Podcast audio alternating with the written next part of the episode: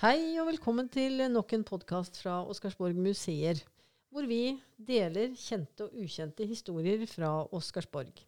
Jeg heter Gry Larsson og jobber med markedsføring og informasjon for Oscarsborg museer. Og med meg har jeg eh, vår eminente guide og historieformidler Morten Svindal. Eh, vi skal fortsette å snakke om eh, myter i dag. Vær så god, Morten. Ordet er ditt. Ja, vi har jo, som jeg nevnte i de andre podkastene, også tatt, eh, tatt, for oss en del myter. Og det er mange myter når det gjelder Oscarsborg og, og, og Oberst Eriksen og, og 9. april. En del av det som jeg har eh, sagt også, gjelder jo, har nok en del med Den militære undersøkelseskommisjonen eh, å gjøre. Og det at eh, dens rapport ble hemmeligholdt fram til 1978, det skapte jo litt hva skal man si, grobunn for myte, myteskapelse. Men eh, den jeg tenkte å snakke om i dag, har egentlig ikke noe bakgrunn i, i Den militære undersøkelseskommisjonen. Eh, men er en myte som er blitt gjentatt, eh, bl.a. i NRK, og en, fins også en del, eh, en del, bøker og, og skrifter, hvor man sier at tyskerne i denne krigsskipsgruppe 5, altså denne krigsskipsgruppen som da skulle angripe Oslo og innta hovedstaden med krysseren Blücher i spissen, at de ikke kjente til torpedobatteriet på Oscarsborg. Mm.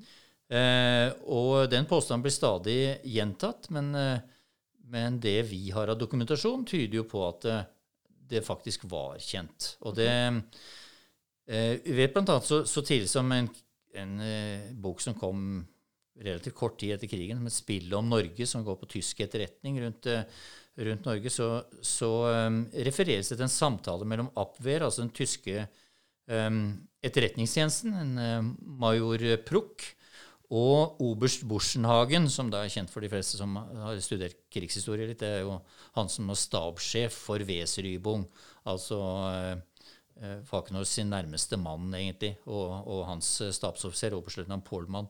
Og Weserübung, det var da betegnelsen for angrepet på Norge? Ja. ja. Så, så, disse, altså ledelsen av Weserübung og Abwehr hadde da en samtale, og i det så kom det fram dette med, med Kystforsvaret, og det at det egentlig var gammelt, det var uh, designa for å virke i 1905.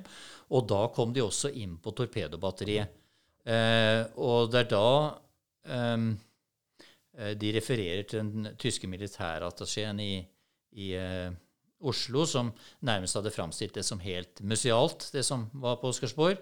Og, og hvor denne major Bruch nok sier at det, det, kan nok uh, ha sin virkning, og det er sannsynligvis fortsatt uh, operativt.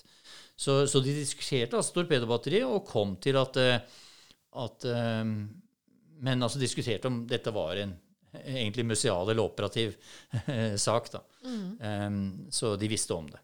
Og de visste, visste de hvor det lå, eller? Nei, eh, de, de, de trodde nok de visste det, for det ble jo funnet kart med torpedobatteriet tegnet inn. Og dette eh, nevner jo også oberst Eriksen i sin rapport. Eh, og eh, det nevner også da Fenrik Lien, som fant disse kartene nede ved Kalkmølla, altså ved Østre strandbatteri eh, på, på eh, Oscarsborg etter eh, kapitulasjonen. Men norske offiserer fikk altså gå fritt rundt. Og, og Lien fant da denne, disse kartskissene som han leverte til kommandanten.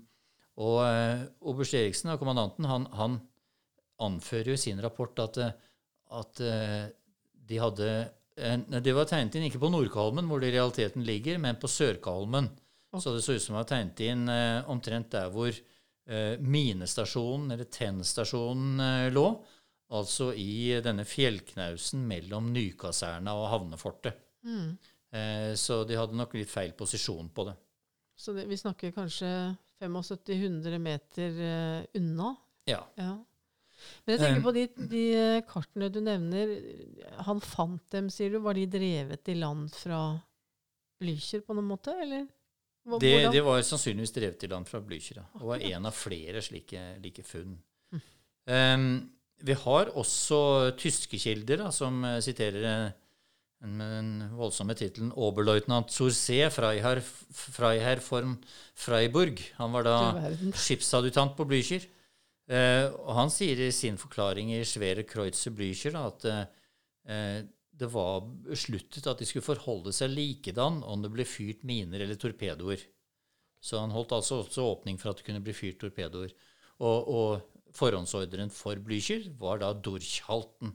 Stå på full fart forover. Det var det hvis, da, hvis nordmennene da fyrte mot dem. Eh, så, så det, er, det, er, nok dokumentasjon på at tyskerne visste om torpedobatteri. Eh, de kan nok ha vært i tvil om hvor eh, effektivt det var, men uansett det, var jo små torpedoer, det. Dette var torpedoer kaliber 45 cm, mens standardtorpedoen da var 53 cm. Torpedoer på 530 kg, og standardtorpedoen var på 1,5 tonn. De var 40 år gamle. De hadde vært eh, øvingsskutt et eh, par hundre ganger.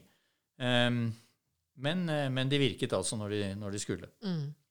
Men uh, tyskerne kjente til torpedobatteriet. Ja. Dermed er det nok en myte avlivet. Um, vi runder av dagens podkast der. Uh, veldig kort og greit. Og ber deg nok en gang, har du noe å tilføye, ta kontakt med oss. Post at oscarsborgmuseer.no eller i kommentarfeltet på YouTube eller Facebook. Ha det bra.